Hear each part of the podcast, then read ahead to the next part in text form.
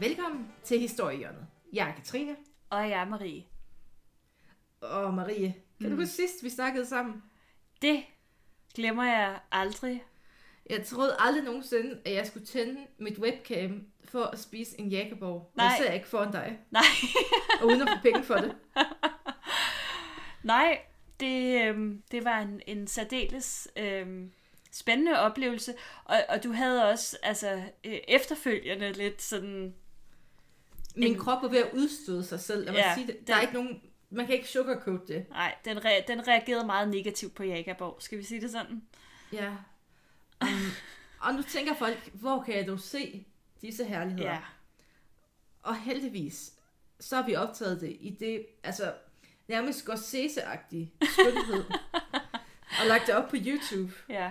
Og hvis I nogensinde har tænkt, hvordan ser det ud, når Katrine åbner en jakke på og er ved at kaste op i munden? Ja. Og det er hun. Ja, det er meget smukt. Search no more. jeg har altid fået at vide, at jeg havde et ansigt til radioen, og nu har jeg så også på YouTube. Ja, et ansigt til YouTube. Ja, tada. Åh, oh, det er smukt. Ja. Øh, det var sjovt at lave den der film.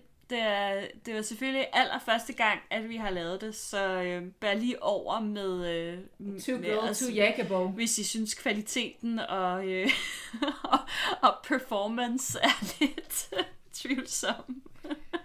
Jeg har en kniv. ja, det har du.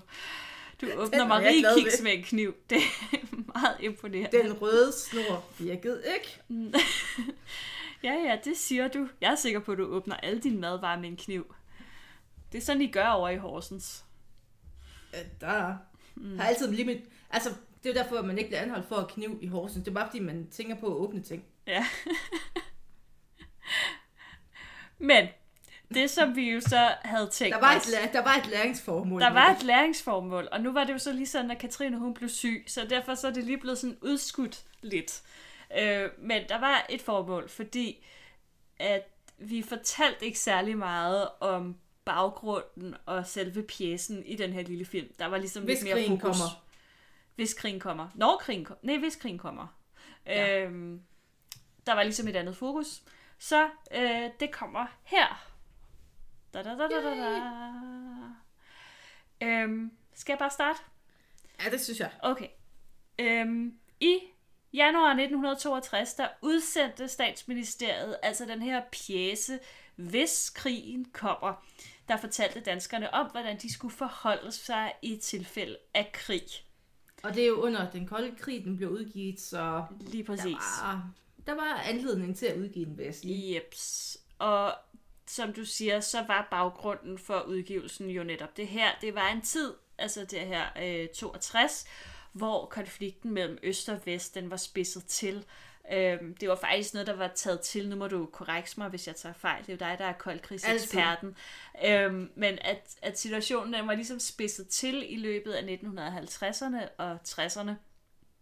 Og der var sket en række ting, øhm, som havde været med til ligesom at belaste situationen, kan man sige. Det var for eksempel oprettelsen af Varsava-pakten i 1955, og måske også øh, Sovjets opsendelse af Sputnik-raketten i 57, øhm, Fidel Castros magtovertagelse på Cuba i 59. Vi kan ramse flere op, hvis det skulle være. Ja, kom så, Marie. Øh, John F. Kennedy, der blev præsident i 61. Øhm, og så selvfølgelig, at øh, øh, opdelingen af, af Berlin i øst og vest øh, med en lille mur. Ja, men Det var vist også i 61, var det ikke det? Jo, og der Ja. var jo, altså, det var, ikke, der var ikke nogen, der var glad for den. Nej, Rigtig. nej. Øhm, Så så det skabte lidt dårlig stemning. præcis. Og hvis man nu har været en flittig lytter på vores historiepodcast, og måske har hørt helt tilbage i, jeg tror det er episode 5 måske, eller sådan noget. Ja, noget af den stil, nogle af de øhm, tidlige. Det er i hvert fald øh, den, der hedder Atombomben som venner fjende. Der snakker vi om øh, USA's atomprøvesprængningsprogram, som netop blev genoptaget på det her tidspunkt, samtidig med, at russerne også genoptog deres atomprøvesprængningsprogram. Så altså, det var i virkeligheden sådan lidt... Øh, undskyld, den hedder ikke øh, Atombomben som venner fjende, den hedder Operation Plovskær. Den episode. det godt, du selv kan huske det. Ja, men Altså, altså, jeg jeg, så, jeg havde faktisk lige, jeg, jeg fandt lige, at jeg havde skrevet det i en note her, så det var jo godt nok. Jeg er tjekket ind imellem. sejler, Maria. Ja, jeg ved det. Men jeg prøver at være tjekket. Jeg skal bare lige læse de ting, jeg så rent faktisk også skriver ned til mig selv. Halvdelen af at være tjekket, er, at man husker, hvad man selv har skrevet. Ja. Nå, i 1961, der var der jo i øvrigt også den her øh, noget mislykket affære, hvor at USA forsøgte at fjerne Fidel Castro fra, øh, fra magten med en invasion af Cuba, som er kendt som Svinebuksaffæren. Øhm, og det, Det, det gik ikke Ej, så godt. det må man sige. Og det var vel også... Nej, og, og det var vel også mere eller mindre der, hvor at, altså, det var vel også starten, der ledte frem til øhm, Kuba-krisen, som jo var i 62. Var den ikke Ja. det? Eller var det Det er 61? nogen, der siger, Ja, okay. Det kan selvfølgelig altid diskuteres. alt kan tolkes. Men øhm, som en konsekvens af de her øgede spændinger, så var der jo så op igennem øh, ja, 50'erne, 60'erne øh, kommet flere nye anti-atom- og antikrigssammenslutninger, som sådan, man diskuterede ligesom åbent øh, udsigterne til og konsekvenserne af en atomkrig. Og derudover så begyndte man i statsministeriet at modtage henvendelser fra bekymrede borgere i Danmark, som ville vide, hvordan de ligesom skulle forholde sig, hvis Danmark blev udsat for et atomangreb. Og øh, så i stedet for at nedtone den her frygt, øh, kan man sige, så valgte regeringen i stedet for at imødekomme den øh, ved at oplyse borgerne om de muligheder, der var for at overleve i tilfælde af et angreb. Og sådan set ud fra mit sådan lægmands synspunkt, så tænker jeg, at hvis en regering ligesom vælger at imødekomme en bekymring om krig, i stedet for at nedtone den og sige, ej nej, I skal ikke være bekymret, der sker ikke noget, det er bare hysteri og medierne osv., altså så må det være et tegn på, at der faktisk var en ret alvorlig situation. Jo, jamen altså civil beskyttelse, det var jo noget, man tog alvorligt i alle lande. Og det var jo altid Ja. om at ramme den der søde, søde balance mellem panik og håb. det er ikke engang løgn. Der er også øh, nogle koldkrigsforskere, der senere har sådan talt om building the bunker in your mind. Altså det er næsten vigtigere at få bygget oh, ja, ideen okay. om, at du kan have, altså der findes noget, der kan beskytte dig imod det her våben, der er jo alt ødelæggende og skræmmende. Ja.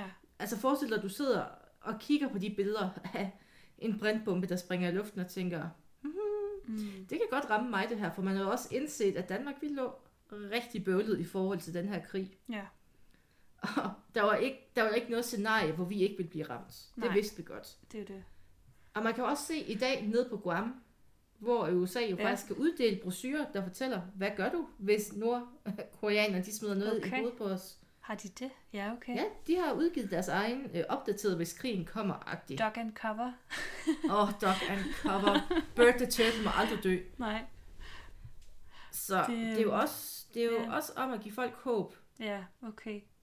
Man kan så sige, at, at øh, en, en undersøgelse, en Gallup-undersøgelse efterfølgende viste, at der kun var 66 procent af befolkningen, der rent faktisk havde læst den her pjæse, øh, altså hvis krigen kommer pjæsen.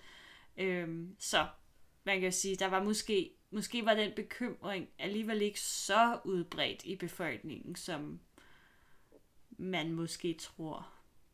Var hysteriet egentlig på myndighedernes side i virkeligheden med alt deres bunkerbyggeri og...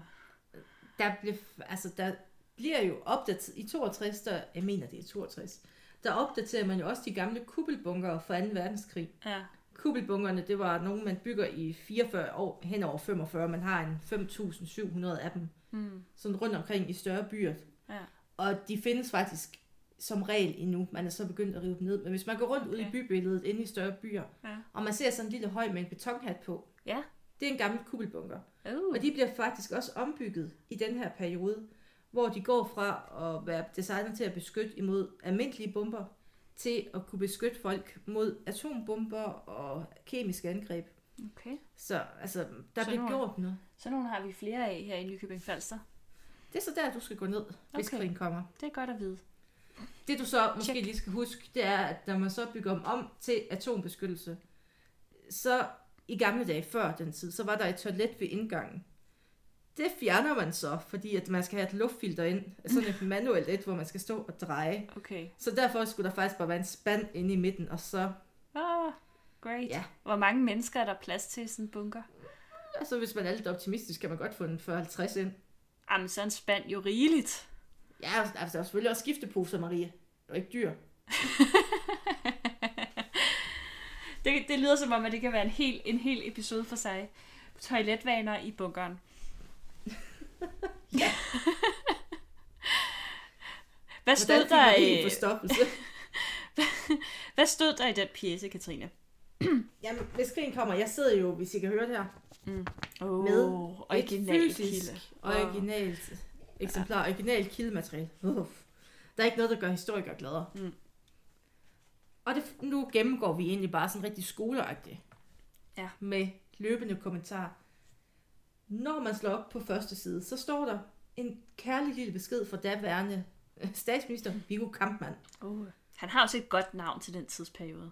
Ja, og det starter jo altså urimeligt opløftende. Faren for krig er ikke udryddet. så. Og så fortsætter det lidt i den, de moderne våben kan ramme os, selvom landet ikke angribes direkte. Og disse våben skiller ikke mellem civile og militære mål. Og det er jo rigtigt nok. Atombombe, den er ikke et forfinet værktøj til krigsførsel. Lad mig sige det på den måde. Vores militærværn er trænet i de nye forudsætninger for et effektivt forsvar, og vores medlemskab af NATO er en garanti for bistand udefra, som vi før ikke har haft. var Et stærkt beredskab er ikke blot en nødvendighed for den enkelte, men også virksom i forhold til en eventuel angreb vores bedømmelse af mulighederne for at løbe landet over ende. Det er sådan et udpluk af første side her. Så der er prøver man ligesom at få hypet folk tale. lidt op. Ja, Ja. for altså der er flere guldcitater her. Men det er simpelthen for at få hypet folk op, altså for at ramme igen den her balance mellem at være mega bange, og mellem at sige, det, vi kan godt klare det her. Mm. Og det er faktisk, det betyder, at jeg skal gøre noget også. Ja, At man ikke bare er en hjælpeløs tilskuer. ja. Er det kærligt? Det er smukt. Så kommer vi til side 4. Og side 4, den går op i fjenden i landet. Fordi at var der noget, regeringen var mere bange for end atombomber, så var det folk fra 5. kolonne. Og folk fra 5. kolonne, det var altså nogle luskede kommunister, der gik rundt i landet selv. Og de kunne jo lave, altså de kunne være spioner, og de kunne være med til at sabotere Danmark indenfra. Ja. Så derfor skulle man for det første altså, være på vagt over for dem. Og man skulle ikke lytte på dem, hvis de kom med falske rygter. Altså sådan noget med, at de har det meget bedre over i USSR, og der bliver folk behandlet godt. Og hvis de bare kommer her og besætter os, så bliver alt bedre. Ja, Ja, så nogle grimme kommunistløgne skulle man ikke lytte til. Man skal kun lytte til det, regeringen siger. Det er den eneste kilde til sandhed. Nemlig Marie. Ja. Så hvis du mødte sådan nogen med lidt for mange ravhalskæder og sådan noget, så vidste du godt, at du skulle være på vagt. Det ved jeg godt, ja. Aldrig lytte til dem. Nej. så kommer der sådan tre sider, hvor at der bare bliver snakket om bomber, og hvor meget, hvor springradius på atombomber, og nervegas, mm. og biologiske kampmidler. Ja, Og grunden til, at man lægger vægt på det, det er jo, det er jo de nye våben. Dem, man er rigtig bange for. Og selvom det er jo en meget sådan indgående beskrivelse af, hvad du skulle være bange for, så er det jo sådan også meget nøgternt, det beskriver, hvad der sker, uden at skabe frygt. Altså, Ja. altså, man får, det, man får serveret det meget fint. Mm. Altså for eksempel ved krigsgas, øh, psykokemisk krigsgas. kan fra- Psykokemisk. Mm. Det var det var sådan noget, der kunne få dig til at hallucinere og sådan noget. Ej, Ja, spændende. ja. Så herligt. Det har jeg aldrig hørt om før. Så nu har man gjort folk mega bange. Ja. Det er sådan, jeg forestiller sådan en berettermodel i dansk, når man læser den her. og så kommer vi til alarm og beskyttelse. Så kommer vi til, nu kan vi begynde at handle selv igen. Ja. Altså, hvad betyder sirenerne? Hvad betyder de forskellige ringesignaler? Ja. Og altså, jeg vil ikke fremføre dem lige nu. Det kan være, at vi gemmer dem til senere. Fordi folk skal helst ikke slukke endnu, fordi så får vi ikke de helt rigtige lyttertal. så derfor gemmer vi det til sidst, hvor jeg nok skal sige som en sirene, som Yay. Marie har glædet sig. Så bevæger vi os videre til beskyttelsesrummets indretning. Og man vil jo rigtig gerne lære folk det der med beskyttelsesrum. Det gik man også meget op i under 2. verdenskrig. Ja. Under 2. verdenskrig, der havde man jo den herlige forudsætning, at alle de gik jo altså, i biografen. Og der fik man jo introduktionsfilm i, hvordan du skulle gå ned i beskyttelsesrum, og hvordan at gamle herr Hansen døde, hvis han ikke gik i beskyttelsesrum. Og hvordan spejderne kom og skulle hive ham ud af et brændende hus. Åh, Hvor dramatisk. meget dramatisk film. Altså, jeg mener, den ligger inde på YouTube. Det, jeg kan ikke engang huske, hvad den hedder. Men super dramatisk, og spider, der skal have ham ud. Gamle, sure mand, der ikke mener, man skal lytte til sirenen. Hmm. Det var meget gribende. Ja. Og altså, så skal man simpelthen lære om beskyttelsesrummet. Altså, hvis man har muligheden, så skal man bygge sit eget. Det er det optimale. ja. Og så kommer hele byggevejledningen. altså, Og Hvordan- fedt, så der er simpelthen en, øh, det er sådan en IKEA. Øh, Ja, jamen altså der står altså en guide til materiale. For eksempel, man skal jo ikke bare vælge 40 cm beton. Man skal jo helst have, altså, altså hvis man kan slippe afsted med det, så skal man jo helst have beton og stampet jord, og jeg ved ikke hvad, stenmure. og, det, og det er så til private i sådan almindelige sådan Ja, parcelhushaver. Ja, ja. Altså ved, Altså- ved man, om der er nogen, som rent faktisk byggede sådan nogle private beskyttelsesrum Jeg synes, i deres jeg, haver? jeg, altså det var ikke, det var ikke ligesom i USA, hvor der var en craze i 50'erne, hvor alle lige pludselig skulle have deres eget. Mm. Men jeg har da hørt folk nede på museet, jeg arbejder på et bunkermuseum, der har fortalt om, at de jo sådan har haft tankerne til det, og sådan Ja, okay. ideen om det. Mm. Og så skulle man jo også have en masse altså sandsække til at lægge udenom, så man kunne forstærke muren. Ja. Det var fordi, at jo mere, desto bedre. Ja, ja. Ja. Herligt. Og så skulle man selvfølgelig også sørge for alt, man havde brug for i de her otte dage. Man regnede med, at man skulle sidde dernede i otte dage, inden man kunne blive reddet. Og så skulle man jo også have mad med. Og det, ja, der vil jeg næsten bare anbefale filmen. Ja. Gå ind og se vores YouTube-film. Se mig, altså se også Spise Jakkeborg og chokolade. og chokolade. Åh, oh, det var en god chokolade. Og det var en super god chokolade. Ej, så stop dog med at- Jeg beklager. Er det Jeg- en sirene? Nej, jeg bor inde midt i byen, og nogle gange er der altså bare larm udenfor. Og der er en eller anden, der synes, han skal dytte helt vildt meget. Jeg ved ikke hvorfor. Og derefter så er der en, altså en lille guide til evakuering. Og gæt, hvad de anbefaler. God ro og orden og kvinder og børn først. Selvfølgelig. Ja, ja det er jo faktisk... Øh, myndigheden opfordrer kvinder og børn, gamle og uarbejdsdygtige at forlade de større byer og begive sig til familier eller bekendte på landet. Ja, Ja. ja, vi ved Ja. det. Det... øhm, Ja. Jeg kan godt lide, at kvinder og uarbejdsdygtige, de kommer i samme. Ja. Det er jo også det samme, altså. Kvinder er jo uarbejdsdygtige. Altså, du ved jo godt, altså, ja. Ja, Ja. jeg gider ikke engang afslutte den sætning. Nej. Og så kommer der ellers en lækker how-to-guide, altså når angri- hvis angrebet kommer. Mm. Så læser man overskriften, søg straks beskyttelsesrum eller kælder. Vi har lige tjekket af, enten så har man en selv, eller så ved man, hvor man skal løbe hen. Ja. Hvis du så ikke kan nå i beskyttelsesrum, så altså, griber vi til klassikeren Dog and Cover. Mm. Ind under bordet og ligge derned. Fordi det virker imod stråling, eller... Uh, nej, det er fordi, at altså, man, man levede nok i en anerkendelse af, at man ikke kunne beskytte sig mod stråling, når man var ude i de åbne. Men man kunne beskytte sig mod glasgård, eller hvis bygningen faldt ned, så ville bordet tage noget af det. Ja, okay. For rødderne vil jo altså, per definition springe Ja. på grund af trykbølgen. Mm. Og så skulle man ellers redde folk, hvis man kunne. Og hvad skal man gøre for at undgå radioaktiv nedfald? Dejligt. Altså hvor der står, så altså om at få tøjet af, når du kommer ind, og ikke have tøjet med ind, og Mm. hele den her. Mm. Så er der også en, jeg vil nok sige det mest nichebrede afsnit, Landmanden og det radioaktive nedfald. Ja, Ja, det må... altså vi er et, land, vi er et landbrugssamfund. Ja, Altså i tilfælde af varsel for radioaktivt nedfald, må dyrene føres under tag, helst i stald, og så skal vinduerne ellers være dækket til. Og malkekøerne, de må give den bedst beskyttede plads. Ja.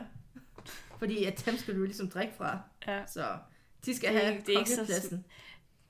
Det er sådan lidt ligesom øh, den der historie, vi snakkede om med, øh, med, med de allierede, der ville øh, kaste mildbrandbakterier, eller Præcis. inficere kvædet i Tyskland med mildbrandbakterier. Så kunne man in, inficere med øh, radioaktivitet i mælkekvædet. Jamen, og så bliver folk jo syge, og jeg Ja. ved ikke hvad. Så det er egentlig meget klogt, at man siger, hvad gør vi med malkekøerne? Ja. Stakkels malkekør. Nå, lille jersikko. Jeg ved faktisk, havde man, jeg tror ikke, man havde sat mange jersekør på det tidspunkt. Nej, det havde man sikkert ikke. Der tror jeg, man var rimelig OG med køerne. Ja, de var bare Sort og hvide, sort og hvid. og røde formentlig. Mm. Kampen Og så slutter vi af. ko. Det er en god film. Uforlignelig filmkunst. Mm. Og den sidste side, det er så der, hvor man virkelig får en følelse af, at du kan gøre noget. Det er mobilisering.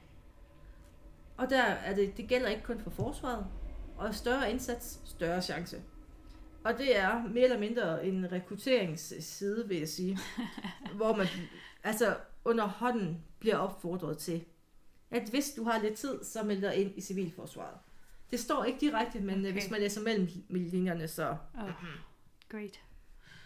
Ja, Marie. Så kan, du komme ind, så kan vi komme ind til Lottekorpset. Ja, Så var vi, så var vi ikke piger i trøjen. Vi, ej, det må vi lave en to af. Ej, ja. Det var en god film. Det var også en god film. det var også en god film. Jeg har et lytpunkt for gamle danske film. Det har jeg også. Desværre så kan jeg ikke til TV2 Charlie. Ej. Så. Ja, nordisk film, de har faktisk deres egen streamingtjeneste. Har de det? Med dem. Nej, Ja, fantastisk. det er solid underholdning. Det er det. Det er godt, det er. Ja, Det var en af de film, jeg ville tage med ned i mit sikringsrum. ja det er helt Hvis sikkert. der havde været, hvis, hvis VHS'en var opfundet. Men altså, Det krævede, du havde strøm, ikke? jamen så havde jeg en lille sådan cykelgenerator, så kunne Nå, ja, okay. så kunne du cykle med sådan- så kæft, mand. Den sidste film, jeg skulle se i verden, det var Piger i trøjen. Så og til aller, aller sidst, så er der en lille checkliste. Hvad skal der med i beredskabslaget? Mm. Hvad skal være i beskyttelsesrummet? Ja. Og hvad skal man tage med ved en evakuering? Og så var det ellers bare at krydse af. Ja. Og en af de ting, man skulle huske, hvis man blev evakueret, det var faktisk rationeringskort.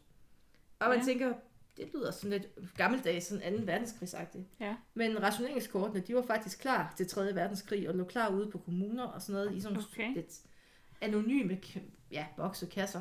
Ja. Og de her rationeringskort, de lå der faktisk til 2004. Det var først der, man tog dem sådan ud af drift. Oh. Ej, shit you not.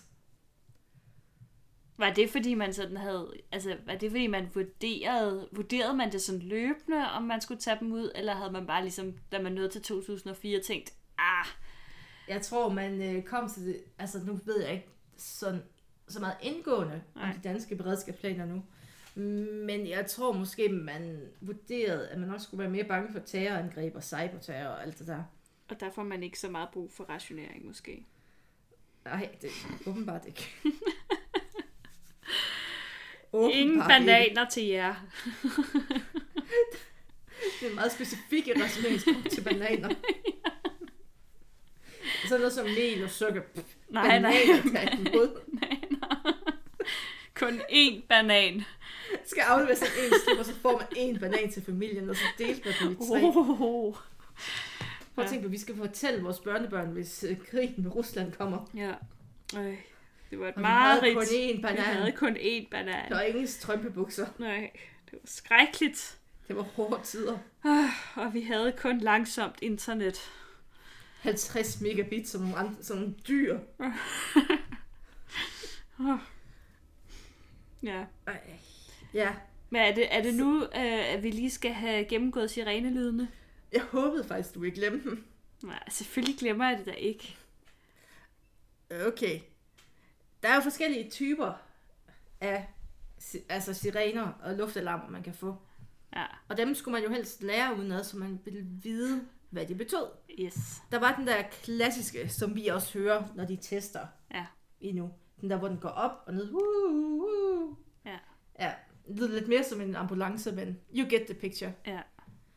Og så når der er afvarsling, så er det en lang tone, sådan, Ja, det er faktisk den af dem, der er mest creepy. Sjovt nok. Så var der også øh, den, der hed et forvarsel for radioaktiv nedfald. Og det var seks korte sirenesignaler i cirka to minutter. Og samtidig så skulle kirkeklokkerne også kime. Og grunden til, at kirkeklokkerne de skulle kime, det var jo, det var ikke alle steder, der havde sirener, og jeg Nej. ved ikke hvad, så de skulle faktisk, de skulle også i gang. Hvad gjorde, man, så- hvad gjorde man de steder, hvor man hverken havde sirene eller kirkeklokke? Altså nogle steder, så havde man jo nogle rester fra 2. verdenskrig, hvor at der var man også sådan lidt underkudet. Og det var sådan nogle sirener, der kunne sættes oven på biler, der skulle køres rundt. Det var meget praktisk. Ud og køre med dig.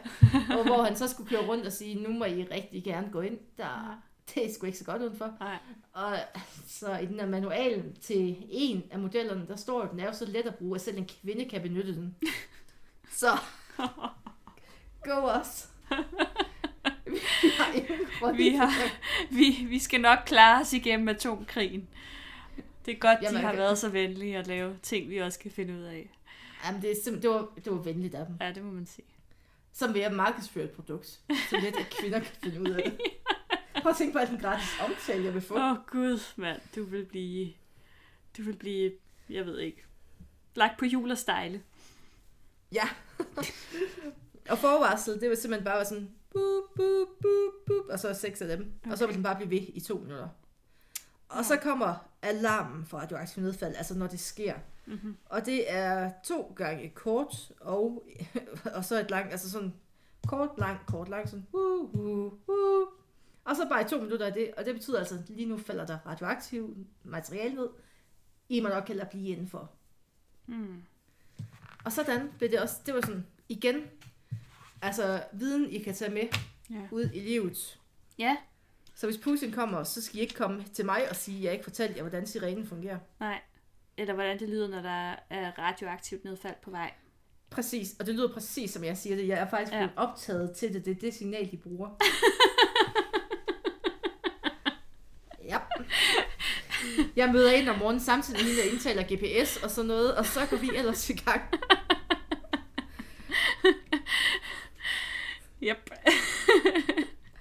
Men Marie, føler du dig oplyst om krig nu? Er du klar? Jeg, jeg føler mig mega oplyst om krigen, men, øh, men jeg synes også, det er et rigtig spændende emne, som vi jo selvfølgelig kan tale meget mere om. Der kom faktisk en opdateret udgave af den her i starten af 80'erne. Den Okay, hed om at overleve. fedt. Den kan vi tage fat på på et andet tidspunkt. Der er Ja, ja, lidt, det lidt synes jeg, opdateret. der Der er. lidt mindre ja. femte kolonnesnak.